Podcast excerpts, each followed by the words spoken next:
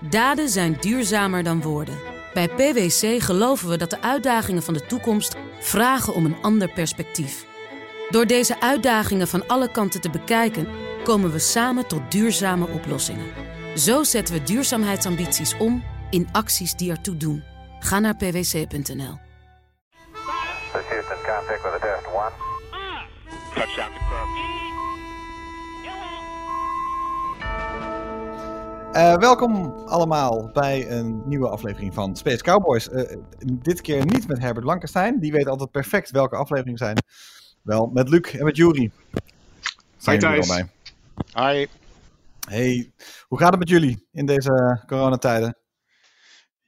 Ja, wat zullen we erop zeggen? Eh, het blijft een gekke wereld en eh, dat blijft dan nog wel eventjes. Ik, eh, ik zit mij gewoon al, eh, eh, al helemaal af te vragen hoe dat straks gaat. Ik werk eh, in Den Haag.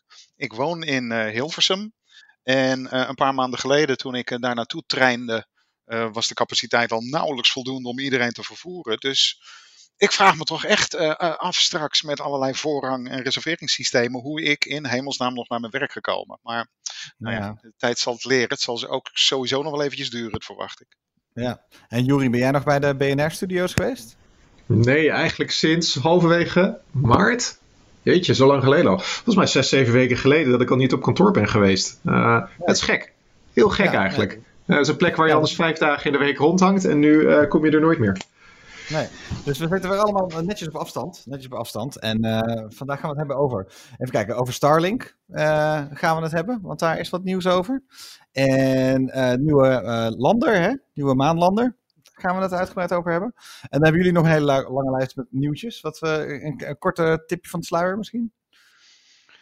Ehm, ja, ehm, nou ja, we gaan binnenkort weer eh, eh, een bemande lancering vanuit Amerika eh, meemaken. Dat is natuurlijk heel, heel spannend. Ehm Chinezen lijken met een eh, ruimtevliegtuigje bezig te zijn. En eh, Hmm. verder heeft het Pentagon beelden van UFO's vrijgegeven. Oh, kijk. Eens aan. Oh, dat is spannend. En Jury? Jij? Ja, ik heb nog wat over een eh, Russische test van een antisatellietwapen eh, die vorige maand heeft plaatsgevonden. Daar is wat eh, Mhm. reuring over ontstaan, ook vanuit de Amerikaanse overheid. En daarnaast, als we het toch hebben over landen met een wat minder goede reputatie. Iran heeft ons vorige week verrast. En ik ga straks vertellen waarom. Oh, nou. Ja, nou, ik ben heel benieuwd. Eh, zullen we met Starlink beginnen? Met, eh, met eh, het, het, het, internet via de ruimte. Ik, ehm, het was bij ons in de WhatsApp-groep in de familie. een grote ja, een, een happening, zullen we maar zeggen. Want, want, het, ja, want het Starlink-treintje kwam, kwam langs. Nou, dat, dat was meerdere avonden achter elkaar. Was het, oh, het treintje komt weer langs, het treintje komt weer langs. Ik heb hem zelf niet gezien. Hebben jullie het Starlink-treintje gezien? Ik, Ik heb, hem, ik heb eh, hem gezien, net ja. nadat hij gelanceerd was. Eh, dus Precies, dat was ik 20 ook, ja. minuten, nadat hij, eh, 20 minuten nadat hij uit Cape Canaveral in eh, Florida was opgestegen, was hij boven Nederland heel duidelijk te zien. Als een eh, felle ster. En twee dagen daarna heb ik het treintje iets wat laag aan de horizon ook voorbij zien komen. Toen waren de satellieten al wat verder uit elkaar eh, gegaan. Ah ja, oh, dat kon je wel duidelijk zien, zeg maar. Ja, het is toch wel, wel heel erg leuk hoor. Het ene moment zit je inderdaad eh, eh, op je computer NASA eh, TV of eh, ehm, in dit geval eh, SpaceX eh, op YouTube eh, te volgen met een, eh, live reportage. En eh, eh, je rent naar buiten en eh, vervolgens komt de hele handel overzetten bij eh, een hele heldere hemel. Dus eh, ja, was boffen. Erg leuk om mee te maken. Ja. En wat, wat vinden jullie er nou van? Voordat ik zo meteen eens even het nieuws ga delen erover. Want ik, ik, ik, ik vind het dus ergens heel tof, maar ik, ik, ik heb ook mijn bezwaren of zo ergens. Hoe, hoe kijken jullie ernaar nu, op in deze fase? Ja, die deel ik wel eh, eh, eigenlijk. eh, ik moet ook wel zeggen dat het me heel erg verbaast dat de reuring ontstaat nu die dingen eenmaal in de ruimte zijn. Dat niemand dit heeft zien aankomen. Misschien heeft SpaceX ook niet heel erg duidelijk verteld hoe die dingen eruit zagen en dat ze zo ontzettend veel reflecteerden. Want eh, eh, ja, eh, ik kan me voorstellen dat de astronomen eh, achter hun telescopen hier niet ontzettend blij mee, eh, mee zijn. Ja, maar ook gewone burgers misschien. Ehm, ik zit elke keer te denken dat het een beetje. Het, het doet me denken aan de eerste, eerste file die er ooit stond. De, de- toen de eerste file ooit, eh, volgens mij op weg naar het strand stond in Nederland, gingen allemaal mensen daar naartoe om dan foto's van te maken. Van kijk, nou, de moderniteit is ja, aange, dat aangekomen. leverde, dat leverde Ja. bermtoerisme op, inderdaad. Dat Mensen die naar de, bermtoerisme. naar de file gingen kijken. Ja. naar de file gingen kijken. En nu heb ik ergens een klein beetje het gevoel dat met Starlink zo eh, toch op een of andere moment, manier het eh, ons een klein beetje iets ontnomen wordt. dus ik, ik, het was altijd al wel leuk om natuurlijk de ISS over te zien komen of het ehm, eh, gewoon een satelliet te zien vliegen hè, in de verte. Eh, ik, ik ben toch benieuwd of als we een permanente trein van satellietjes aan de lucht krijgen, of ik niet later gewoon tegen mijn kinderen zeg, nou ja, je kan het je nu nauwelijks meer voorstellen, maar ja, vroeger Vroeger? was dat er dus Ja. allemaal niet. Ja, Vroeger hadden we gewoon een, een, een zwarte lucht in de nacht.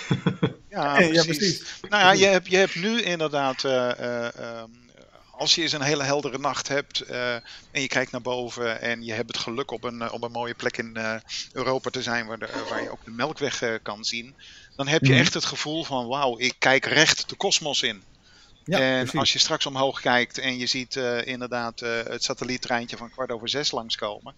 Ja, dat is toch een stuk minder eh, romantisch en, eh, en filosofisch naar mijn gevoel. Ah, po- post, ja, positieve punt is wel, we zien natuurlijk de treintjes van de vorige lanceringen zien we niet meer. We, die treintjes die verdwijnen na een tijdje als die satellieten steeds verder uit elkaar eh, gaan en als ze steeds hogere baan om de aarde, dus hun uiteindelijke baan eh, aannemen. Mhm. En wat ik ook had begrepen is dat eh, Elon Musk vanaf lancering 9, dus dat, is, dat zal ergens in juni zijn, dat hij een eh, bepaald soort zwarte starshade eigenlijk gaat aanbrengen rond de satellieten, waardoor ze wat minder gaan opvallen. Klopt. Hij, eh, eigenlijk, ze hebben daarmee getest in, eh, in afgelopen februari, volgens mij. Dat was de eerste januari, februari, hebben ze er eentje geprobeerd. Ehm Darkset noemden ze die. Nou, Ja. dat is blijkbaar goed gevallen, want ze gaan dus vanaf de volgende, hè, want er, was dus een, eh, er zijn aan de lopende band Starlink eh, lanceringen.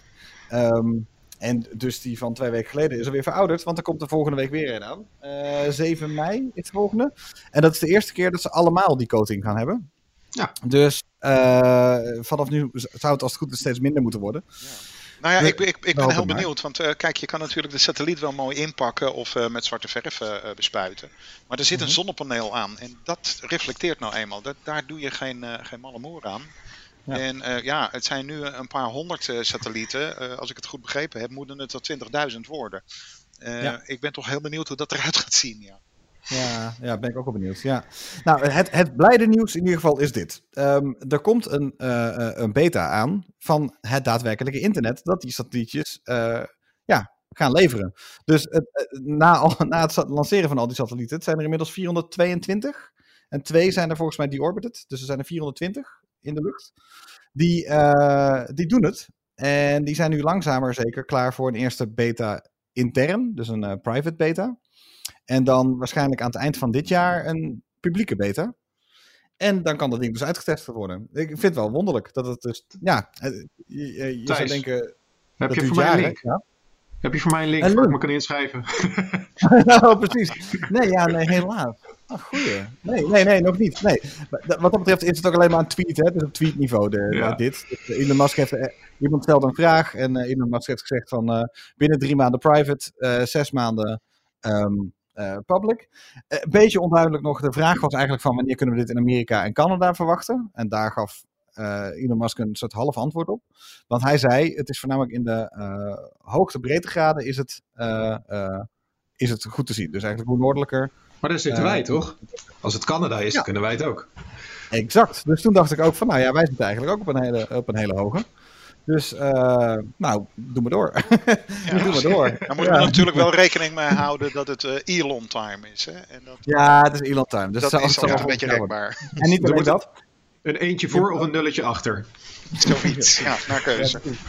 En je moet je ook voorstellen, ehm, het is eh, eigenlijk bedoeld voor mensen die op het platteland wonen. Hè? Dus het is, ik woon in de stad zelf, dus eh, eh, eigenlijk heb ik er helemaal niks aan. Het is eigenlijk voor eh, als je echt in middle of nowhere woont, waar slecht internet te krijgen is, daar is het super interessant voor. Want, want het wordt internet op breedbandsnelheid. En dan ook nog eh, eh, ja, in the middle of nowhere. Dus dat voor, dan is het interessant. Maar ik, ja, jullie wonen ook allebei in de stad? Of in- Ja, zeker. Ja, ja, precies. Dus eh, voor ons is er eigenlijk, we hebben er eigenlijk helemaal niks aan. Maar goed. Nou, maar Nou ja. het gaat om het idee. als je- hè? Het gaat om het idee. En als je in het buitengebied woont, eh, je hebt ook echt een eh, antenne te grootte van een eh pizzadoos, ongeveer is het idee. En dan doet hij het. Ehm, en ze hebben een licentie op dit moment om, voor maximaal 2 miljoen mensen. Dus voorlopig is dat ook nog geen probleem. Ja. Zal ik nog de, de laatste bullet point even afmaken, want dan, weten, dan zijn we helemaal bij qua Starlink. Tuurlijk. Ehm, er was, net, Shotwell, die de, hè, de, de CEO van SpaceX, die heeft ook een maand of anderhalf laten vallen dat het misschien ehm, eh, eh, Starlink een eigen bedrijf zou kunnen worden. Dus dat het afgesplitst wordt van SpaceX en dat het dan misschien zelfs naar de beurs kan gaan. Ehm, Hm. dat lijkt wel een goede optie voor de toekomst. Eh, maar Elon Musk wil het eerst eigenlijk intern winstgevend maken voordat hij daar verdere stappen in, in doet. Maar dat vond ik ook nog wel interessant, dat het een apart bedrijf zou kunnen worden. En, ehm, oh ja, uiteindelijk is de ambitie 40.000 satellieten. Dat had ik ook nog even opgeschreven. Dus we zitten nu eigenlijk op 1 honderdste van hoe groot het moet worden. Ja, met, met die 420. Ja. Dat is nog 100, keer- 100 keer zoveel worden. Dan wordt het straks echt nog ingewikkeld om iets te lanceren. Want dan, eh, je moet om een hele hoop zaken heen vliegen dan. Hoe bedoel je? Nou, 40.000 satellietjes die in een baan om de aarde draaien. Eh, eh, ja, dan wordt het toch een beetje mikken om je raket daar tussendoor eh, eh, te leiden zonder dat je iets raakt. Ja, dan hebben we, het, dan hebben we het alleen over SpaceX en Starlink. Hè? Want eh, Ik eh, bedoel maar. Ja. Amazon wil met Kuipers eenzelfde soort eh, constellatie in de lucht eh, brengen. Ik weet niet wat de Chinezen en de Russen nog van plan zijn, maar die zullen ongetwijfeld met dezelfde soort ideeën komen. Ja, ja. Omdat die het nu natuurlijk zo al zien, ja. Ja. Dat zou wel kunnen. En, en wa- wat betreft die hoogtes, hè, waar ze dan op, eh, de, hoogte waarop ze zweven, zeg maar. Is dat dan op een, krijgen ze dan een soort van hun eigen hoogte toegewezen? Luc, weet jij dat? Hoe dat Nee, dan zit? nee, dat weet ik eigenlijk, eh, eigenlijk niet. Volgens mij gaan ze wel zoveel mogelijk in een, in in in een mooi vast patroon eh, vliegen, zodat het mooi verdeeld is over de aarde. Om op die manier ja, zeg maar het signaal zo, zo goed mogelijk te kunnen eh, Mhm. Maar ik weet eigenlijk niet op welke hoogte. Ja, ja. het, zijn verschillende, het zijn verschillende hoogtes. Ik weet ook niet precies welke getallen, maar het zit volgens mij tussen de 400 en de 1000 kilometer hoogte in. En er zijn verschillende eh, banen eigenlijk voor verschillende satellietsoorten. Want eh, er wordt nu één soort satelliet ge- gelanceerd. In de toekomst willen ze ook nog een ander soort satelliet, wat onderdeel is van het hele Starlink-netwerk, gaan eh, lanceren. Eh, en die komen weer op een net wat andere hoogte te zitten. Dus het, het wisselt. Het gaat wisselen. Oké, nou, eh, we zullen zien. Eh, mocht er inderdaad eh, iemand van ons naar het buitengebied, misschien dat Herbert in zijn vakantiehuis een, een mooi een, ja, die, abonnementje kan nemen en beter abonnementje aan ons kan vertellen hoe het dan eh, ja, precies. Die kan een mooie testaccount starten. We, Ja. we vragen het de volgende keer. Nou, ik wilde heel graag naar de maanlanders. Wat, wat was er met de maanlanders aan de hand? Jullie hadden allebei volgens mij iets van nieuws. Ehm, ja, nou, wat we weten is dat morgenavond eh, NASA bekend gaat eh, maken ehm, hoe het gaat zitten met de contracten voor het, eh, het bouwen van een, een landingsvaartuig voor astronauten, die in het kader van Artemis ehm, in 2024 op de maan moeten Mhm. landen. Nou, dat zeg ik maar eventjes heel snel, dan maak ik geen woorden meer aan vuil. Ja? Maar nou, hoe, hoe het er precies gaat uitzien, dat weten we eigenlijk niet. Eh, het kan dat er eh, eh, twee tot vier bouwers een, een eerste contract krijgen. En misschien in een tweede fase één of twee fabrikanten het ding daadwerkelijk gaan, gaan bouwen. Ehm, nou ja, Als opdracht vanuit NASA. ja, inderdaad. Die, die hebben inderdaad nu gewoon de markt gevraagd van nou, kom maar met voorstellen. Ehm, ja, misschien dat dat wel een heel stuk sneller eh, kan dan, eh, dan dat dat in het verleden gebeurde. Want dan had je voor het eh, bouwen van een bemand systeem toch e- echt wel een decennium nodig. Eh, nou, die, tijd heeft Na- NASA niet, vinden ze, vinden ze zelf. ehm, en vindt vooral ehm, het Witte Huis. Ehm, dus ja, he- het wordt spannend. Het wordt een enorme race. Ehm, het zou best eens kunnen dat er behoorlijk verschillende concepten uitgetest gaan, gaan worden. Gaat het ding uit twee of drie onderdelen eh, bestaan? Eh, eh, waar wordt het samengevoegd? Hoe gaat dat gebeuren? Dus ik, ja, ik zie, zie erg uit naar de, persconferentie van morgen. Ja. Weet wel welke partijen in de running zijn voor deze Ehm, Boeing, SpaceX en dan een consortium waar ook Boeing weer in zit, verwarrend genoeg. Sierra Nevada zit er ook nog tussen, alhoewel die ja, lijken niet zulke ontzettend sterke kaarten te hebben, omdat ja, eh, Dream Chaser nog altijd niet eh, heeft gevlogen. Ehm, aan de andere kant, Boeing staat ook niet in een heel erg eh, rooskleurig daglicht eh, de laatste tijd. Dus eh, het kan Daar hadden we het vorige keer ook al over. Ja, ja, precies. Oh, Blue Origin zit er ook nog eh, tussen eh, Ja, natuurlijk. Blue maar Origin, die had- toch dat ding? Hoe heette die ook weer? Het New Glenn of zo? eh, Nee, de, ja, de, maar- de Blue New Glenn Moon. is de, eh, de grote eh, raket die ze aan het bouwen zijn. Mhm. En Blue Moon is eh, de, de, de, de basislander die ze hebben Ah, ontwikkeld. Blue Moon. Oké, ja. Maar ja, het dingetje met Blue Origin is natuurlijk ook dat ze al ontzettend lang bezig zijn. Vooral ook met New Shepard, die die capsule tot eh, eh, 100 kilometer hoogte moet brengen. En ooit eens toeristen moet gaan eh, laten vliegen. Ja. Maar dat is eigenlijk tot nu toe alles wat ze gedaan hebben. En dat toeristenvliegen, dat schuift ook steeds eh, verder de toekomst in. En ze hebben nog nooit iets in een baan om de aarde gebracht. En dat is toch best een interessant detail. Ja, wel wonderlijk hè? Ja, misschien is dat eigenlijk helemaal niet hun... eh, ja, waar ze het beste in zijn. Nee, dat moeten ze nog bewijzen. En eh, Ja. ja. dan kan ik me voorstellen dat dat nou niet de eerste partij is die je gaat eh, uitnodigen voor een maanlander. nee, precies. Nee, precies. En eh Juri, jij had iets over ook over een maanlander volgens mij. Ja, veel minder spannend, want het gaat niet om bemande ruimtevaart. Maar Oh, voordat laat mensen- maar. Laat maar. nee, voordat mensen teruggaan eh, naar de maan, eh, wil NASA graag nog een paar kleinere missies, onbemande onderzoeksmissies, eh, eh, laten landen op de maan. En daarvoor hebben ze een tijdje geleden hebben ze een eh, nieuw initiatief voor in het eh, leven geroepen. Dat heet CLIPS, het Commercial Lunar Payload eh, Program. Eh, en het idee daarvan is dat NASA zegt: wij willen 1 of 200 kilo aan wetenschappelijke apparatuur op de maan hebben. En eh, een commerciële partner, maakt niet uit wie, mag ervoor zorgen dat dat ook daadwerkelijk op de maan komt. Dus er is eigenlijk een wedstrijd voor uitgeschreven. En eh, de afgelopen weken kwam eh, steeds verder naar buiten wie nou precies hebben gewonnen. En dat zijn allemaal kleine bedrijven, kleine bedrijven die we eigenlijk niet zo heel goed kennen, moet ik heel eerlijk eh, erkennen. Dus een voorbeeld is de Nova Zeelander van Intuitive Machines.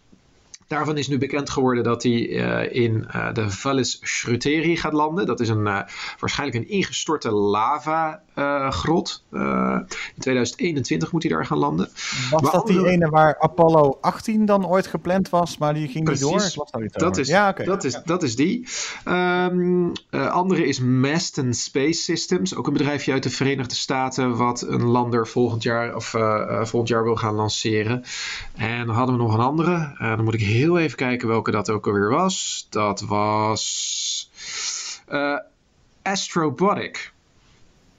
Ook een bekle- Astrobotic, ook een klein bedrijfje. Kijk, dit, dit zijn allemaal van die kleine bedrijfjes die in de afgelopen tien jaar zijn gestart. Ehm, ja. En die in het kader van dit, eh, deze wedstrijd eh, vaak ook expertise uit het buitenland hebben gehaald. Een van deze drie, drie bedrijven is bijvoorbeeld ook gepartnerd met de Israel Defense Industries. En die waren degene die achter eh Bereshit, die, die maanlander van Israël, die vorig jaar eh, net niet geland is, zaten. Ja. En op die manier Ja. proberen ze eigenlijk een beetje eh, vanuit de hele wereld proberen ze de nodige kennis op te doen, zodat zij in 2021 wat wetenschappelijke missies naar de maan kunnen lanceren. Nou, Cool, dat, wordt nu steeds, dat wordt nu steeds verder bekend. En het wordt een druk, druk jaar volgend jaar op de maan. Dus sowieso Ja. drie missies en eh, wie weet wat er nog meer volgt. Ja, en als ik dan dus even goed het verschil begrijp tussen eh, wat Luc net noemde en wat jij nu noemt, is dat dus, Luc had het over bemand, hè? Over bemande land, Ja. eh, landen voor de bemande eh, ruimtevaart over een paar jaar. En dit gaat over de cargo, eigenlijk de experimenten die dan, ja, gewoon in ieder geval als ze langzaam maar heel huids daar aankomen, eh, worden afgeleverd. Ja, dit is dus, het zijn eigenlijk een soort van, eh, hoe heet dat, eh, voorlopermissies om eh, te kijken ja.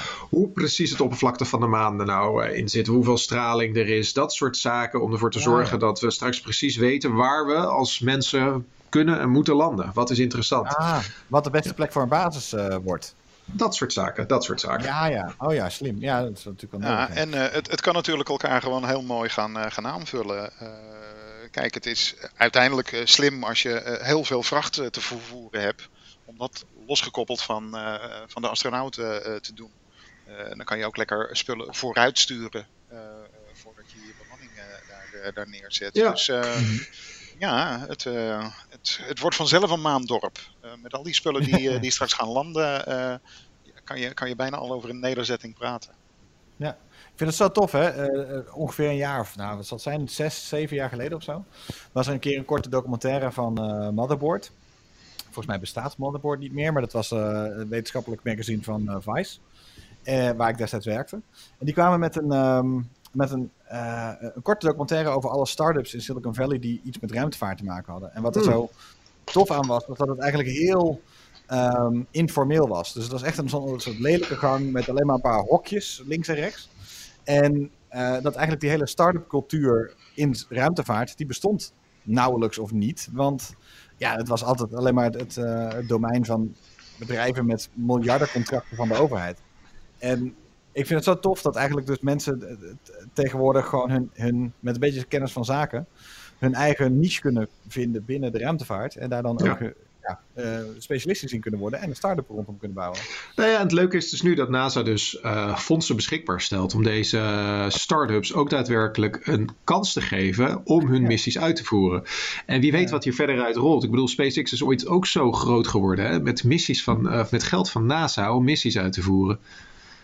Ja, met nog, veel, nog veel iets groter misschien, maar Ja, Dit dit is echt, eh, echt new space. eh, eh, ze pakken het op een hele andere manier aan. Nou ja, je, je, je ziet het in het geval van, van Elon Musk. is hij in ieder geval zowel in staat om echt in gigantisch hoog tempo spullen te ontwikkelen en operationeel te maken. En dat ja, op een hele andere manier te doen. Niks, niks log en jarenlang studeren. Eh, gewoon proberen, lanceren. Werkt het niet? Nou, dan doen we de volgende iets anders. En, Ja, eh, precies. eh, Ja. ja, hij, hij komt er wel. Hij heeft wel een groot bedrijf neergezet. En ik ben heel benieuwd hoe ver hij het gaat, gaat brengen met zijn wilde plan. Ja. Ja, en nu is dus eigenlijk de, jouw nieuws. Hè? Dus misschien als mensen deze aflevering horen, dan is het nieuws al naar buiten. Maar we, we weten dan dus bijna wie de nieuwe maanlander voor Artemis gaat bouwen, hè? Voor, die, eh, voor die maanmissie. Is het, eh, weet jij toevallig of het daarna een soort wedstrijd blijft? Of eh, kiezen ze nu gewoon, dit gaat hem worden en we gaan hier helemaal volop verder? Nee, er gaan verschillende scenario's in het, in het rond. Misschien worden er wel drie fabrikanten uitgekozen die in ieder geval het ding gaan ontwikkelen en tot een zeer gedetailleerd voorstel, of misschien zelfs wel een prototype komen. En er wordt zelfs ook rekening mee gehouden dat er uiteindelijk twee fabrikanten de maanlanders gaan bouwen. Zodat je niet Ja, ja. afhankelijk bent van, eh, van één eh, team als er is wat misgaat. Eh, we hebben natuurlijk eh, eh, tot twee keer toe eh, eh, grote problemen met de Space Shuttle eh, eh, gehad. Waardoor er eh, eh, verder geen, eh, eh, geen Amerikaans ruimteschip meer gelanceerd kon, eh, eh, kon worden. En astronauten met eh, de Russen moesten meeliften.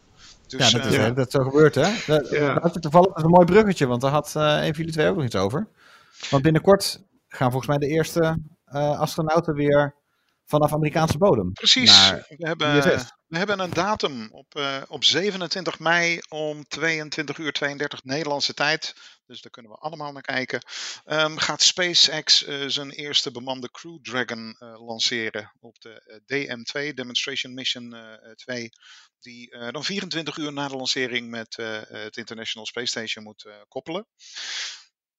Dat eh, wordt dan eh, voor het eerst sinds juli 2011 dat er eh, Amerikaanse astronauten aan boord stappen van een Amerikaans ruimteschip en vanaf Kennedy Space Center worden gelanceerd. Ehm, Met dank aan SpaceX dus. met dank aan SpaceX, inderdaad. Jezus. eh, de Falcon eh, eh, 9 en eh, ehm, de, de capsule, de Crew Dragon, allemaal uit één fabriek. Ook dat eh, hebben we niet vaak eh, eh, Ja, dat meegemaakt. is wel bijzonder hoor. Zeer Ja, zeker. Na, nou, na, na al die jaren, hè, na al die jaren eigenlijk Amerikaans ruimtevaartprogramma. Precies, dat we nu zijn, op... we zijn negen jaar na die laatste shuttle. Ehm, dus je zou zeggen, nou, enorm feest. Ehm, eh, ik was destijds een van de miljoen mensen die naar die laatste Space Shuttle lancering stond te kijken. ja, wat vet. Maar Ik heb hem gemist. Mijn broer die ging trouwen, anders stond ik ook. Was, ja, eh, nou, ja. het was... gaven elkaar het jaarwoord ongeveer op het moment dat het in de lucht oef, ging. ja, ja, je moet kiezen af en toe in het leven. Ja, het was echt. Hij was, hij was uitgesteld, jongen. Ik was destijds producer in eh, New York voor RTL Nieuws. En eh, we- ik moest produceren dat we erheen konden. Toen werd hij dus op het laatste moment uitgesteld. Ja. Toen werd hij dus verplaatst naar die, die datum waar ik zelf niet bij kon zijn. Dus ik heb die hele reis toen geproduceerd en zo. Alle details in me opgenomen, al. En uiteindelijk kon ik er zelf dus niet bij. Nee, Nee, Ja. Van de crew ging wel. heel erg vervelend. En jij was, er- die was erbij dus. Ik was erbij eh, en eh, ja, stond daar met, met honderden journalisten. En verderop in, in op een, op een brug. Eh, eh, die stond zwart met mensen vol. Eh, De schatting is dat er inderdaad al miljoen Amerikanen hebben gekeken. Ehm, ja, deze hervatting van de bemande ruimtevaart in Amerika, dat wordt een beetje een anticlimax.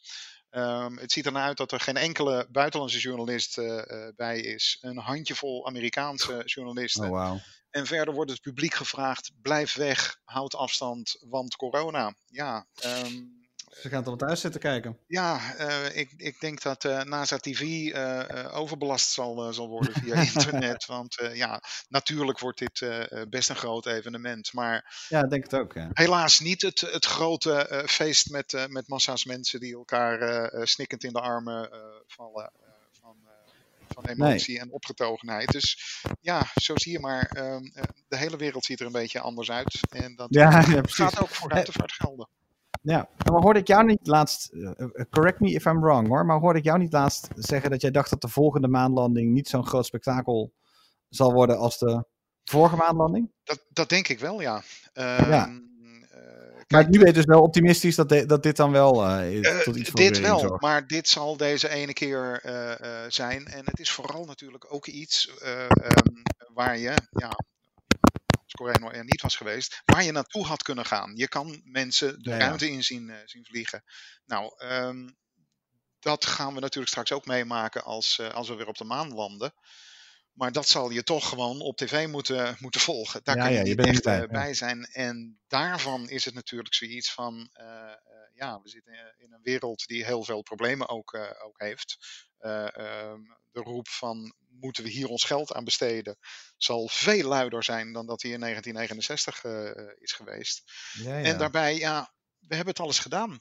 We kennen het eh, al. Iedereen kent de naam van Neil Armstrong. En die weet wat hij zei toen hij eh, zijn voet op, eh, op het maanoppervlak eh ja, dat zal Dus, nooit veranderen, nee. Dat zal nooit veranderen. ik, maar ik, ik denk, denk... ik eh, denk dat er echt wel iets, iets meer, nog meer in zit hoor. Ik bedoel, we hadden destijds een krakende eh, oude televisiecamera in zwart-wit. Eh, Om, om daar toch met 4K draaiende camera's eh, mensen te zien landen. De eerste vrouw op de maan.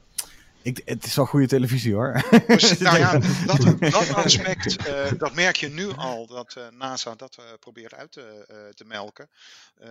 De standaard zin is inderdaad ook geworden, in, in 2024 laten wij de eerste vrouw en de volgende man op de maan landen. Ja. ik ben er heilig van overtuigd dat een vrouw de eerste is die straks weer in het maanstof rondwandelt. Dat, ja, eh, precies. eh, zo slim zullen Ja, en ook goed zijn. gefilmd en zo. En ik, ik, weet niet, met VR-camera's, weet ik veel wat ze er allemaal niet heen sturen. Ik denk dat het voor de, voor de, de gewone mens thuis toch wel tof kan worden hoor. Eh, ook op een andere manier dus heel bijzonder dan de vorige keer. Want natuurlijk, de eerste keer is altijd de eerste keer. Columbus weet iedereen, maar de derde reis van Magelhaan weten, hebben mensen niet helemaal meer helder voor de geest. Precies, Maar- ja. Ik- uiteindelijk, ik weet niet. Ik, ik kijk er wel... Ik heb het idee dat het toch nog wel voor een hele nieuwe generatie ook wel heel veel gaat betekenen, denk ik. Ik, ik hoop Als het het. allemaal ik, doorgaat. Ik, ik hoop Ja. het. Ik, ik, zal in ieder geval eh, gek van enthousiasme voor de tv zitten. Dat is Ja, precies. Ik denk wij allemaal wel. Ja, ik denk het ook. best wel? Ja. Over. Gesproken over enthousiast voor de televisie zitten. Eh, de Pentagon geeft beelden van UFO's vrij. Er zijn, we kunnen nu UFO's kijken. ja, ja het, eh, ze zijn echt. Ze zijn echt ongeïdentificeerd. Dus ze zijn echt, onge- ja, ze zijn echt officieel daarop eh, eh, eh, neer. ongeïdentificeerd. Kijk, eh, het, het, het, nieuws- Therefore aliens. Ja, precies. precies. Het, eh, het nieuws is, eh, is erg relatief, want eh, eh, de beelden die het Pentagon eh, deze week heeft vrijgegeven, waren in 2004 en 2015 al uitgelekt. Ehm, maar, ehm, Oh, huh? oh ja, en nu hebben zij toegegeven dat ze echt zijn dan. Ehm, nou, ze hebben nu eh, eh, toegegeven van wij kunnen niet verklaren wat we hier zien. En eh, met zoveel woorden eh, eh, heeft het Pentagon dat eigenlijk nog nooit gedaan. Nou, de UFO-liefhebbers op deze wereld spreken inderdaad van een historische gebeurtenis. ehm, het, het is ook best bizar om te zien en vooral ook om te horen. Je hoort namelijk een aantal Amerikaanse luchtmachtpiloten die helemaal uit hun dak gaan. terwijl ze beschrijven wat ze, wat ze zien. Ja, ik ken die video. Die is al een tijdje uit, maar nu is hij inderdaad dan officieel uitgebracht. Want hij was eerst gelekt en nu Ja. is hij dan daadwerkelijk... eh, Het is, ja. eh, eh, ik, ik vind die beelden best moeilijk te interpreteren, want het is, eh, Heel moeilijk te eh, interpreteren, Het is ja. infrarood en ehm, eh, ik heb het idee dat er inderdaad een, een, een stipje in beeld wordt genomen wat ofwel over een heuvellandschap of over zee heen raast. Ik weet niet precies wat daar te zien is. Het punt is alleen wel dat je inderdaad eh, eh, de piloten hoort beschrijven van nou ja, het gaat zo ontzettend snel en vervolgens hangt het stil. En eh, schiet het er ineens weer in een andere richting met een, eh, gigantische vaart vandoor. Ja, dat zijn trucs die eh, de aardse technologie in ieder geval nog nooit heeft voor elkaar gekregen. Ehm, ja, het, het, het, het lijkt een een of andere schijf te zijn die een beetje kantelt en inderdaad eh, zich heel vreemd eh, eh, beweegt. Beweegt, hè? En dan opeens schiet hij er weer vandoor. Precies, dus ja, dit is niet zomaar een vliegtuig. Het is zelfs heel onwaarschijnlijk dat het misschien een, een geheim Amerikaans luchtmachtproject is. Maar wat is het dan wel? Ja, en Ja. vraag, eh, ja, daar houden natuurlijk mensen zich heel graag uitgebreid mee bezig. Dus ja, wat dat betreft, ehm, het blijft eh, ongeïdentificeerd. Eh, wil dus helemaal niet zeggen dat het aliens eh, zijn. Nou, eigenlijk, eh, Luc, eigenlijk de- denk ik, moeten we het hier in Space Cowboys wel over hebben. Verdomme. Want, het, is, het, is, het, het speelt zich allemaal in de dampkring af. Zie ik. Het, is eigenlijk. Ja, eigenlijk, eh, gaat eigenlijk er eigenlijk. Ja, alleen in de naam, alleen het idee dat mensen denken dat het misschien buitenaardse wezens zijn, eh, maakt iets voor Space Cowboys. Ja, precies. Maar ja, goed. Laten we het gewoon voor de zekerheid maar tot ons vakgebied Ja, u beschouwen. Kijk, als Ja. ze overmorgen wel ineens in, in mijn achtertuin landen, dan kunnen we in ieder geval zeggen dat wij het al genoemd hadden. Nee, precies, absoluut. Kijk, het, het, achtergrondverhaal hiervan is ook, ja, ik weet niet eh, eh, naar wat voor muziek iedereen luistert hier in deze groep, eh, of bij de luisteraars. Maar ik, ik, ben in mijn jeugd altijd, was ik groot fan van Blink-182, punkband, Ja, poppunkband. Eh ken je, Juri? Ja, ja En, zeker. ehm, Ons- onze eh, jeugd inderdaad. zeker onze jeugd. En, een eh, andere generatie, sorry. Andere generatie, ja. En eh, nou, hun, hun breakout hit was Watch My Age Again. Want wat dat betreft word ik ook steeds ouder, dat, dat ik hun nog tof vind. Ehm, hun gitarist Tom DeLong, eh die is dus op een gegeven moment... Die heeft deze band opgericht toen hij jong was. Is toen op een gegeven moment midden in zijn carrière, een jaar of vijf geleden volgens mij, daar uitgestapt om dus eh, de Stars Academy of Arts and Sciences op te richten. Dat was een soort van, wat ga je nou precies doen? Die jongen die was al vanaf dat hij jong, dat hij jong was zo gek van ufo's. eh, dat hij dus op een gegeven moment de band hij daadwerkelijk wereldberoemd mee is geworden en stadions mee vol speelt, verlaten heeft om een bedrijf op te richten dat onderzoek doet naar ufo's. Zo heilig ervan overtuigd is hij dat het wel buitenaardse zijn en dat, ze wel, eh, dat, dat daar van alles verborgen wordt gehouden. En het was dus zijn bedrijf die uiteindelijk deze video's omhoog heeft gehaald. Ja, Oké. Als, als eerste, ja. Heel bizar. Ja, dat is de, eh, in 2017 was dat. En ehm, eh, ja, eh, wat ik ergens echt heel bizar vind, is dat toen hij uit die band stapte, was het echt van... Oké, hij is echt psychotisch en helemaal de weg kwijt en weet ik het wat. Nog steeds geloof ik echt niet dat deze ufo's buitenaardse wezens zijn. Maar ik vind het toch ergens wel weer tof dat hij toch het Pentagon heeft weten te bewegen... om dus officieel UFO-beelden naar buiten te brengen. Het, is, het, het heeft verdomme nog een beetje succes ook. Moet je Ja, nagaan. nou ja. Er zijn wel meer mensen met, eh, met gekke ideeën. Ik denk dat eh, op een Ja. vergelijkbare manier destijds naar Elon Musk is gekeken. Dus, oh ja, dat is wel waar. Ja, ja. Nee, want het- zijn dus daadwerkelijk on- ongeïdentificeerde ob- objecten. Dus ja, men weet Ja. gewoon niet wat het zijn. Ja. Ja, punt. Ja. Ja. Fair point, fair point, fair point. Nou, dan ben wel, ik heel ja. benieuwd. Juri, heb jij dan nog iets leuks? Iets leuks. Nou nee, ik heb Iets eigenlijk. Twee, bericht- twee berichtjes waar ik niet zo blij van word. Maar iets wat ik wel heel erg leuk vond. Is, Oké. ehm, we hebben de verjaardag te vieren. Namelijk Hubble is 30 geworden. De Hubble Oh, is Space. Telescope. Dus dat is het leuke nieuws wat ik, eh, wat ik heb.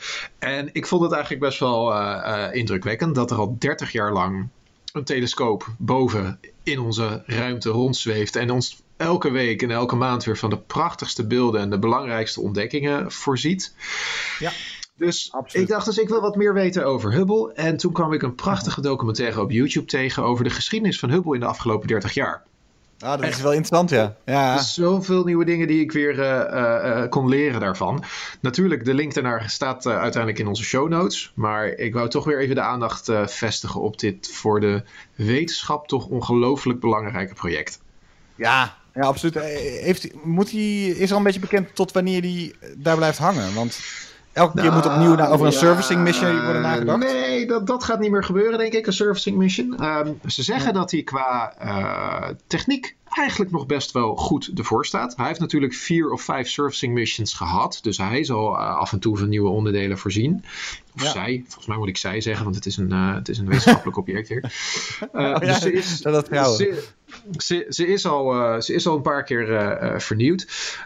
alle, de belangrijkste onderdelen die doen het gewoon nog goed. Alleen er zijn een paar onderdelen die ervoor zorgen dat de Hubble Space Telescope helemaal strak gericht op één object kan blijven. Die mhm. onderdelen, die beginnen nu een beetje slijtage te vertonen. Er waren er een paar als backup. Die zijn inmiddels al ingezet omdat de hoofdonderdelen uh, al uh, het hebben opgegeven. En nu lopen ze dus alleen nog maar op de backup onderdelen. En dat is ah. waarschijnlijk het grootste gedeelte wat mis kan gaan. Is dat op een gegeven moment die reaction wheels, reaction control system eigenlijk, dat die ervoor zorgen dat die op een gegeven moment begeven. En dat daardoor Hubble niet meer langer op één plek gefocust kan blijven. Dat ja, zou ja, ja. de wetenschappelijke waarde van Hubble uh, minder maken. Ja, ja absoluut. Ja, uh, eigenlijk zit het te wachten op James Webb. Van, van, van, van, van zo'n systeem, inderdaad. kijk, de, de, de, wetenschappelijke apparatuur, nou, die kan waarschijnlijk nog wel decennia mee. Maar je bent totaal afhankelijk van je standregeling. Ja. En ja, het is, het is jammer dat zijn nou ook precies de bewegende onderdelen die, die slijten. En ja. ja daaraan zal het instrument uiteindelijk uh, ten onder gaan. Maar er wordt, er wordt gezegd, uh, 2025 moet hij kunnen, kunnen halen. Dus uh, ja. nou, in vijf jaar kan je nog een hele hoop mooie wetenschap doen. Prachtig, ja. En James Webb is een opvolger. Alleen James mm -hmm. Hubble kijkt natuurlijk in, in, kijkt eigenlijk naar optisch licht. Licht dat wij ook ja. kunnen zien. James Webb, als ik het goed heb, kijkt naar X-ray. Oftewel, oh ja ander soort straling. En ziet röntgen. En ziet dus de, uh, het universum ook op een andere manier. Dus het is geen directe opvolger. Het is qua belang en qua verwachtingen wel een, uh, een goede opvolger. Maar het is niet de directe opvolger. Ik nee. weet dat de NASA is wel druk bezig met W First. Uh, dat is wel een optische telescoop, een enorme optische telescoop. een paar jaar geleden, nou, tien jaar geleden, heeft de NASA van de NRO, dat is de de National Reconnaissance Office, oftewel het spionageteam van, uh, van, van de Amerikaanse luchtmacht, uh, hebben zij een aantal enorme spiegels gekregen. Spiegels die gebruikt werden uh, in spionagesatellieten om naar de aarde te kijken. Oh. En die willen ze nu gaan inzetten voor een opvolgermissie van de Hubble. Kost een paar miljard. Is ook een missie die heel vaak al aan een zijdendraadje hangt. Omdat misschien het budget ervoor wordt gekort of de hele missie wordt gecanceld. Maar vooralsnog lijkt het erop dat die missie op een heel langzaam tempo voort kan gaan. Dat zou oh, ja. een echte opvolger van Hubble zijn. Een echte optische telescoop in de ruimte. Ja, vergeet ook niet dat, eh, dat Hubble, uh, uh, dat wordt in ieder geval beweerd aan alle kanten. Het ontwerp van de Hubble Space Telescope doodgewoon een afgeleide is van de Amerikaanse spionagesatellieten. Ja. Hij, hij, kijkt alleen de andere kant uit. Ja. Het, het, is in feite, ze zeggen, het is in feite een keyhole-satelliet. Een keyhole-satelliet is een satelliet die sinds de jaren 70 uh, door de NRO wordt gebruikt om zeer gedetailleerde opnames van de aarde te kunnen maken. Dan heb je het echt over uh, opnames met een resolutie van 50 centimeter of minder zelfs. Nou, dan kan je heel veel terugzien. En ja, het maakt niet uit waar je hem naartoe uh, richt. Je kan er gewoon heel goed mee kijken. Ja, precies. dat is het wezen van het telescoop, inderdaad. Ja, ja gaaf. De, de, Hubble kwam de laatste jaren nog wel eens uit met een, um, met een paar projecten die ze hadden gedaan, omdat ze eigenlijk tijd over hadden. Hè? Dus Hubble is ook al ver over zijn tijd heen dat hij eigenlijk bedacht was uh, in, de, in de ruimte te hangen. Ook omdat hij nog geserviced is natuurlijk. Toen hadden ze twee, drie jaar geleden nog zo'n prachtige foto van volgens mij het Andromeda-stelsel. Op de allerhoogste resolutie ooit of zo. Uh, Destijds heb ik gehoord dat er eigenlijk een aantal van zulke projecten aan zouden zitten komen. Van, uh, waarbij ze eigenlijk één object opnieuw zouden uh, bezoeken, om het zo maar te zeggen. Om er opnieuw naar te kijken. Ik heb daar sindsdien eigenlijk weinig meer van gehoord. Dus ik wil alleen maar even hardop zeggen, ik ga daar weer eens even induiken om te kijken um, of er ook uit die uit die 30 jaar, of daar misschien wat recente nieuwe mooie dingen uitgekomen zijn. Dat is misschien leuk om even Zeker nog eens naar te kijken. Ja, Ja. absoluut. Nou, de rapid fire. Welke, welke laatste paar nieuwtjes hebben we nog voor, de, voor het staartje Nou van de ja, uitzending? Als, als we het over spionagesatellieten hebben, Mhm. dan eh, een paar uitzendingen geleden eh, noemde ik dat er een eh, kleine Russisch satelliet achter een van die Kiril-satellieten, die ik net noemde, zat te jagen. En dat was waarschijnlijk onderdeel. Nou, wat we zagen is dat er een satellietje wat van de zomer gelanceerd was, vorig jaar zomer, opeens heel dicht in de buurt kwam van zo'n Amerikaanse Kiowa-satelliet. En dat was waarschijnlijk om dichtbij opnames te maken van hoe dat ding eruit ziet en hoe het werkt. Alleen dat kleine satellietje is onderdeel van een veel, veel groter programma binnen Rusland. Waar wat twee weken geleden nog groter in het nieuws is gekomen. Dat is namelijk het Russische antisatellietsysteem. Antisatellietsysteem is een systeem waarmee een mogendheid, bijvoorbeeld Rusland of de Verenigde Staten, de, eigenlijk de, de ruimte krijgen om een satelliet in een baan om de aarde uit de lucht te schieten of uit te schakelen. En dat is iets waar men al sinds de jaren 50 en 60 mee bezig is. De Verenigde Staten deden dat vroeger eh, met eh, kleine raketten die vanuit een vliegtuig werden gelanceerd. Of nog grover met een eh, kernbom die werd gelanceerd. En die kernbom die zorgde dan voor een explosie die uiteindelijk ervoor zorgde dat die satellieten werden uitgeschakeld. Dat was een wat heftigere oplossing. Per slim De. Russen, ja, de Russen waren in de jaren 70 druk bezig met een systeem waarbij een satelliet dicht bij een andere satelliet zou komen en dan eigenlijk een fragmentatiegranaat zou, laten, zou loslaten, waardoor die satelliet in de ruimte werd geëxplodeerd. Maar eigenlijk sinds de jaren 80 is het een beetje stil geworden rond die antisatellietsystemen. Eh geld ging op en het was ook niet zo heel erg eh, netjes meer. Het werd niet als iets netjes gezien in de wereld. Om andermans satellieten op te, satellieten op te blazen. Ja, ja, ja. Alleen sinds 2005 zien we dat er wel weer heel veel meer aandacht eh, voor is gekomen. In 2008 eh, hebben de Amerikanen een eh, gefaalde spionagesatelliet eh, uit de ruimte geschoten. Met een raket die van een eh, boot werd gelanceerd. De Chinezen hebben in 2007 een oude weersatelliet eh, eh, opgeblazen in de ruimte. Waar we nu nog steeds last van hebben, omdat er zoveel rotzooi van is gekomen. De Indiërs hebben dit vorig jaar in eh, april ook gedaan. Met een eh, satelliet waar ook ontzettend veel rotzooi van af is gekomen. En daarna elke keer ontkend dat het eh, een probleem was, toch? Ja, dat was geen probleem. Het was geen probleem. We hebben er nu nog steeds mee te maken, maar het was geen probleem. En nu kwam ja. dus, twee, twee weken geleden kwam dus naar voren dat de Russen weer een test hebben uitgevoerd met Noodle. Noodle is een systeem waarbij de Russen eh, vanuit een plek op de aarde een eh, raket de ruimte inschiet, een klein raketje. En dat raketje is zo precies dat het in potentie een andere satelliet kan raken en daarmee dus ook kan uitschakelen. Zeker als je er een kleine explosieve lading in zet. Nou, de Amerikanen waren natuurlijk een dag later compleet over de zeik over het feit dat dit, dat dit gebeurde. En eh, aan de ene kant terecht. Want ja, het is gewoon ontzettend risicovol om in de ruimte een satelliet eh, uit te schakelen. Omdat je gewoon de kans hebt dat er heel veel rotzooi, extra rotzooi ontstaat. Maar ja, aan de andere kant vond ik het ook alweer eh, een beetje hypocriet van de Verenigde Staten. Aangezien ze Ja, zelf deze capaciteit ook hebben. Ja, ja. Je kan hem volgens mij beter vangen en, eh, in een soort net en dan gewoon deorbiten. Dat lijkt me eigenlijk veel Ja, fijner voor space debris dan dat je er een bom naast laat ontploffen. Dat is de, dat is de prettige manier van een satelliet uitschakelen. Maar als, het- als het erop aankomt, dan wil je het natuurlijk snel en overtuigend kunnen doen. En dan is een eh, explosief of eh, eh, een lasersysteem is natuurlijk een stuk effectiever.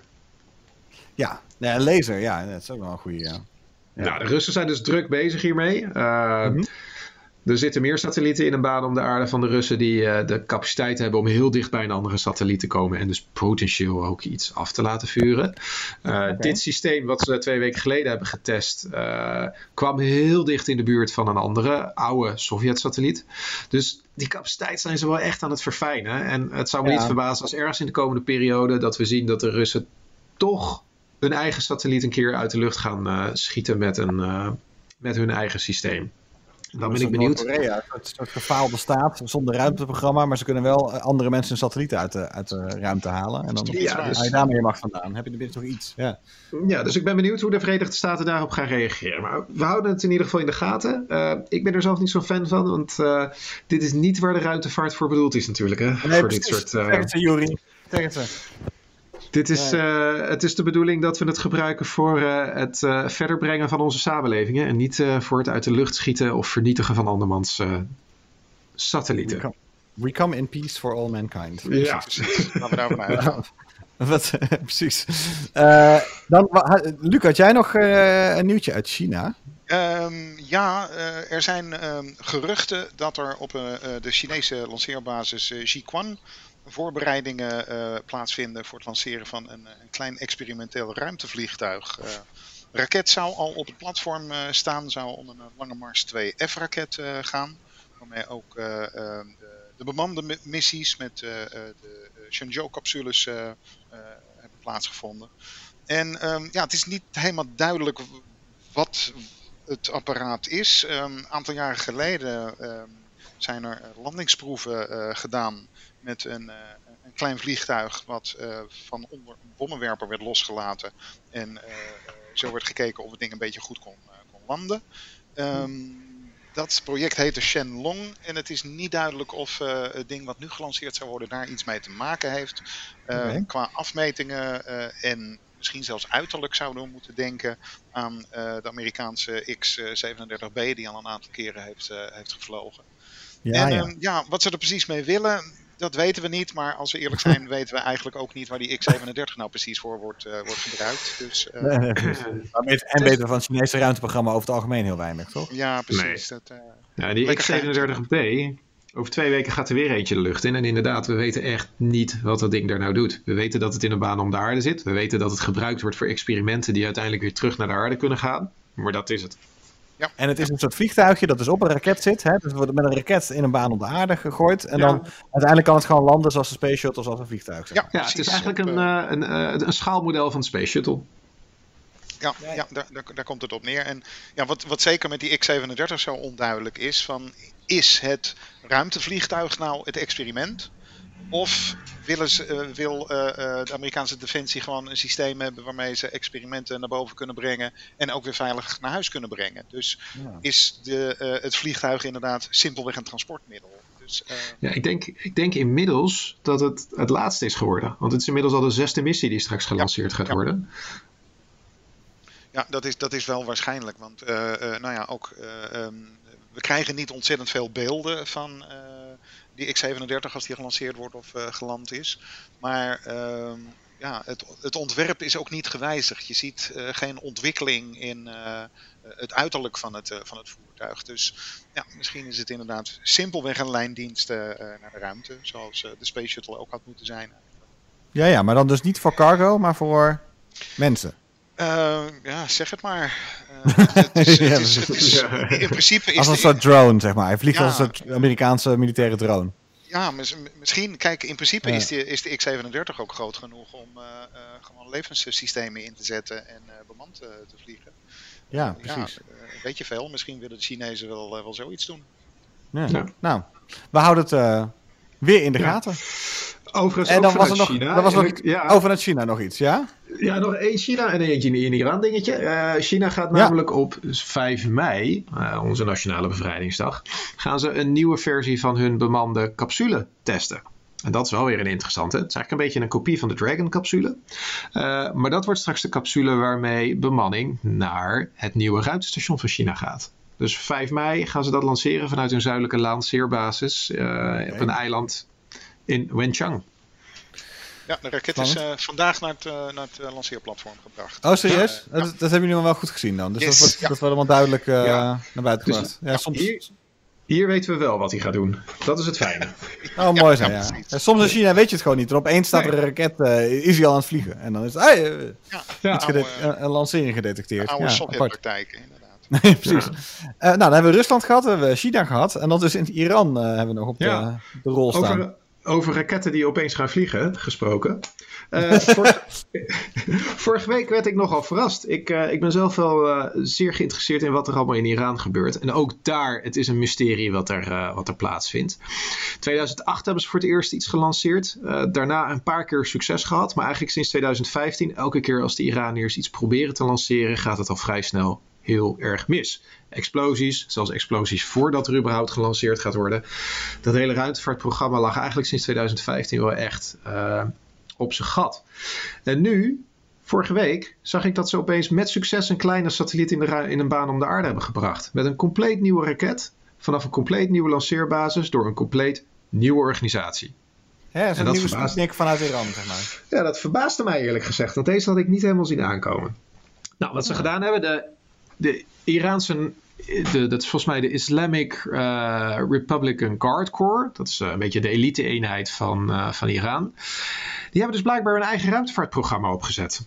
En wat ze hebben gedaan, is ze hebben een raket gemaakt die gebaseerd is, die gebaseerd is op een opge, ja, opgekalefaterde skutraket. Het is een skutraket waar 20, 30 jaar lang verder aan is gewerkt en die compleet geoptimaliseerd is. Dus het is een oude Russische raket die via Noord-Korea in Iran is gekomen en daar verder is geupgrade.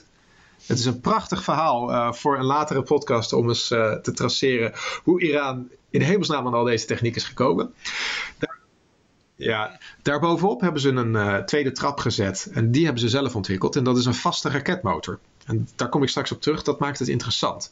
En daarbovenop staat waarschijnlijk nog een kleine derde, derde trap. En daarbovenop staat een kleine satelliet. Noor heet die satelliet. Het is een uh, satelliet ter grootte. Ja, het is een satelliet ter grootte van twee uh, broden. Dus hij is niet heel groot. En er zit een camera in. En uh, op de mission patch, dus buiten op de raket, stond heel duidelijk aangegeven dat die camera gericht was op hun twee grote vrienden in de regio, Israël en Saudi-Arabië. Dus het idee is hier natuurlijk achter dat het een spionagesatellietje zou moeten zijn. Alhoewel, met een CubeSat moet je je afvragen wat de resolutie is. Want het zal niet meer zijn dan een webcam uh, die naar de aarde terugkijkt. Maar goed, het zit hem niet in uh, het feit dat ze satellieten om de, in de baan om de aarde hebben gebracht. Dat ze een webcam in de ruimte hebben gezet. Het zit hem ook niet in het feit dat ze een geüpgrade versie van een Scud-raket hebben gelanceerd. Dat boeit mij eigenlijk allemaal niet. Het gaat mij vooral om die tweede trap. Dat is namelijk een vaste, een vaste trap, de vaste brandstof die daarin zit. En dat is wel voor het eerst dat ze dat hebben gedaan. En dat, dat heb ik eerder ook al een keer genoemd. Het feit dat Iran zo druk bezig is met het ontwikkelen van uh, vaste brandstofraketten, dat baart mij zorgen. Want een vaste brandstofraket is een prachtige opstap naar, naar een intercontinentale kernraket. Ah. Vandaar. Dus ze gaan gewoon via de ruimte gaan ze hun, uh, ja. hun kernprogramma uh, uitrollen. Ja. Ik denk namelijk dat het ja. niet ging om de eerste trap. Ik denk niet dat het ging om de satelliet. Ik denk dat het ging om een test van die tweede trap. En dat het ja, daar uiteindelijk allemaal ging. En dat daarom ook een legereenheid dit uh, gelanceerd heeft. het dus is eigenlijk verwacht... hetzelfde als in de Koude Oorlog. Hè? In de Koude Oorlog zijn die raketten ook zo snel ontwikkeld. Omdat dus hè, het werd duidelijk wie had de grootste, wie kon het verst. Wie kon ja. dus bij de andere op de hoofdstad, in de hoofdstad een kernbom afleveren? Ja. En dat, dat was eigenlijk allemaal een soort, ja, een soort expliciet, impliciet uh, aan, dat hele, aan die hele space race.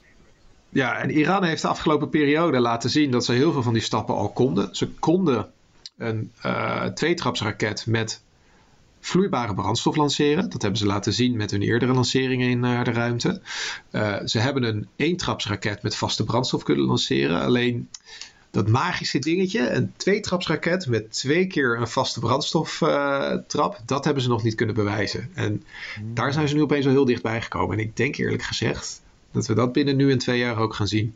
Dat ze een satelliet in een baan om de aarde gaan brengen. Zogenaamd om te laten zien dat het allemaal voor vreedzame doeleinden is. Maar dan met twee vaste trappen. Ah ja. Luc, heb jij uh, hier nog internationale bezorgdheid over gezien? Um, nou ja, uh, zodra uh, Iran iets meldt uh, over het thema raketten, zijn er natuurlijk mensen die zenuwachtig worden. dat, is, dat is duidelijk. zeker, ik, ik, ik wist deze details inderdaad niet, dat het ook een hele andere organisatie is die, er, die erachter zit. Ja, ehm, ja dat, dat, dat baart natuurlijk zorgen. En inderdaad, wat Julie zegt, vaste brandstof, ja dat is nou precies wat je, wat je in je raket wil hebben. Dat kan je lang uh, uh, bewaren zonder daarnaar om te kijken. En je kan het heel snel uh, lanceren. Dus, en je kan het makkelijk transporteren. Dus je kan gewoon ergens ja. vanaf een truck in de woestijn kan je het lanceren. In plaats van dat je ook nog al die vloeibare brandstof mee moet nemen. Ja, ja. geen infrastructuur nodig. En ja, dit, dit riekt behoorlijk naar een wapensysteem. Ja, ja. En het is een vast blok. Ik heb nog nooit een raket gelanceerd. Dus je, je hebt vloeibaar, uh, vloeibare ja. uh, brandstoffen. En vast, wat, wat voor een stof hebben we het dan? Ja, vaak heb je het over een uh, nou, zeer, zeer ontvlambaar uh, mengseltje van uh, rubber, aluminium en nog wat andere chemicaliën. Dat, Nee. is, lekker, dat is lekker makkelijk te mengen. Het is allemaal synthetisch. Dat is lekker makkelijk te mengen. Dat is makkelijk op te slaan. Het, het ontvlamt niet zomaar uit het niets. En het is ook vrij licht. En dat is vaak. het wat er is een blok het- gewoon. ja, je moet het eigenlijk blok zien als een. eh, ja, je moet het eigenlijk zien als een. Ja, het is een, het is een, het is een, het is een cilinder die gevuld is met eh, het goedje wat ik net noemde. Nou, bizar. En je Ik vind zet, het er, je, bizar zet er, je, zet er, je zet er een ontsteker bij en eh, vervolgens eh, ontvlamt hij. Nadeel is, je kan hem ook niet meer stoppen. Dus als je hem helemaal aan hebt gestoken, dan moet je Nee. gewoon de hele rit uitzitten. Ja, ja. Dit Ik in had wel vuurwerk dat er wat, werkte. eh, eh, eh, waar, de, waar de Space Shuttle mee omhoog ging, hè? Eh, die, die Ja. Solid Rocket Boosters. eh, eh, het is dan inderdaad een soort, nou ja, rubber met eh, eh, aluminium perchloraat. eh, eh, dat wordt erin gegoten. Dat wordt opgestapeld. En inderdaad, eh, je houdt er een, eh, een lucifer bij en het, eh, en het gaat branden. ja, goed. Ja, ik, ik ken de term. Ik, ik hoorde altijd de term natuurlijk. Gewoon solid fuel en solid rocket booster en zo. En wist altijd wel van ja, daar zit dus iets vast in. Maar ik blijf het altijd maar heel fascinerend vinden dat gewoon er een soort vast iets in zo'n raket zit. Ik vind het heel Ja. raar. Ja. Het is, eigenlijk, is het, eigenlijk is het een zeer geavanceerde vuurpijl. Daarvoor het moet je een Ja, precies. Ja. Ja, dat is ook natuurlijk gewoon ja, dat is ook een vast, eh, vast iets natuurlijk. Ja. Ik, ik wil Iran ook weer niet te, ik wil Iran ook niet te weinig credit geven. eh, want ze hebben echt wel wat meer ontwikkeld dan een eh, geavanceerde vuurpijl. Maar het komt er wel op neer. ja, precies. precies. Ja, heel goed. Volgens mij kunnen we vandaag af, afsluiten met een record. Namelijk.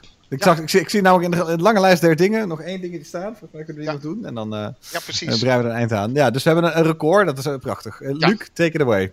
Roscosmos heeft in de nacht van 24 op 25 april een vrachtschip gelanceerd naar het International Space Station, Progress MS-14. En het ding koppelde al 3 uur en 20 minuten na de lancering aan het ruimtestation vast. En dat is nog nooit zo, zo snel gegaan. Eh, eh, nog niet zo heel erg lang geleden deden de Soyuz-ruimteschepen en deze Progress, die ook heel erg veel eh, gemeenschappelijk ontwerp delen, er gewoon twee dagen over om Oh, te leggen. En ja, dit is dus wel een, een hele grote vooruitgang. Weet je enig idee, heb je enig idee waarom? Wat, wat er nu Eh, voor anders ja. is dan toen? Dat heeft alles te maken met de controle van het schip vanaf de grond. Je hebt een bepaalde dekking nodig om eh, het schip te volgen, eh, eh, koerscorrecties te kunnen uitvoeren, precies te berekenen of hij in de goede baan op weg naar zo'n rendezvous zit. En die dekking is de laatste jaren gewoon steeds toegenomen. Software is, is verbeterd.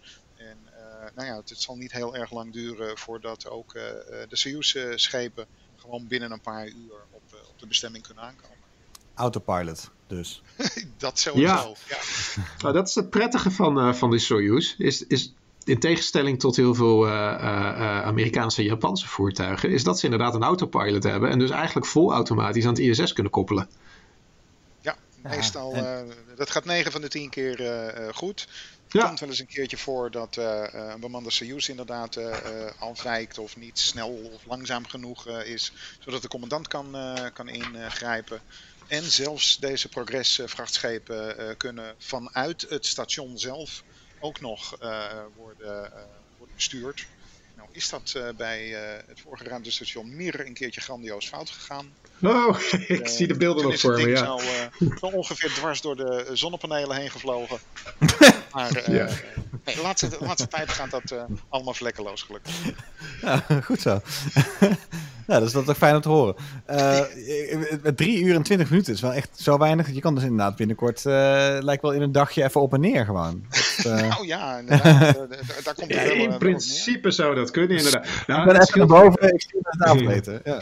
ja, het scheelt voor die astronauten natuurlijk ook wel. Want ehm, ik heb begrepen dat de Soyuz is een zeer gedegelijk voertuig. het doet wat het moet doen.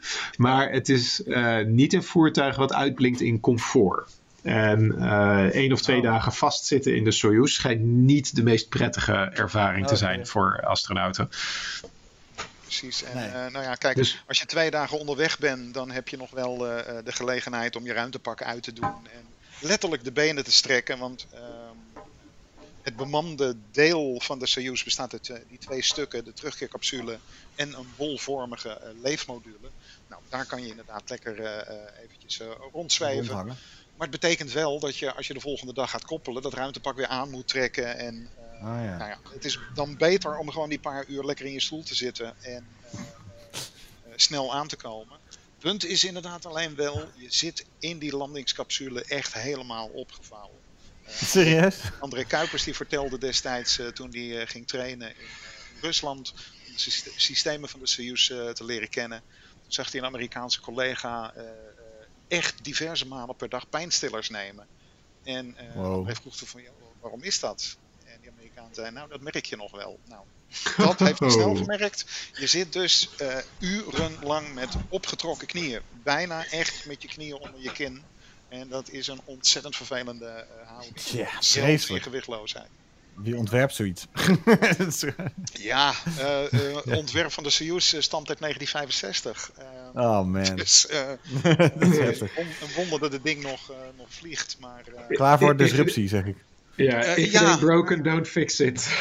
nee, zo, zoiets. Ja, ja, sure. eh, goed, het heeft dan meer dan 50 jaar geduurd. Maar als je nu binnen, binnen vier uur op je bestemming kan zijn, nou goed, dan overleven we dat misschien wel. Ja, precies. Dat is een mooi voordeel. Nou, hey, heel goed. Nou, leuk jullie eh, eh, allemaal weer gesproken te hebben, zo vanuit isolatie. Ja, het lukt nog steeds, gelukkig. Ja, fijn dat we nog een, opzend- een uitzending konden maken. Blijven, kunnen blijven maken ook. Ik ben benieuwd wanneer we elkaar weer zien in de, in de studio's. Als het er ooit weer van komt, Jury. Dat is gewoon... eh, Ooit, ooit. Ik, ik, ik, ik, heb nog een soort van hoop dat het ooit goed gaat komen. Nee, ik zie, jullie, eh, ik zie jullie graag allemaal weer een keer in de studio. praten in een microfoon, dat klinkt zo, klinkt zo onhygiënisch opeens. Ik weet niet. Ja, Ja, best. Samen in één kleine ruimte. Precies, plexiglas tussen en... eh, ja. Nou, voorlopig via Zencaster. Hey, eh, vooral even dankjewel aan de luisteraars. En eh dankjewel Juri. Dankjewel Luc. Dankjewel Thijs. Tot de volgende keer Tot de weer. volgende keer.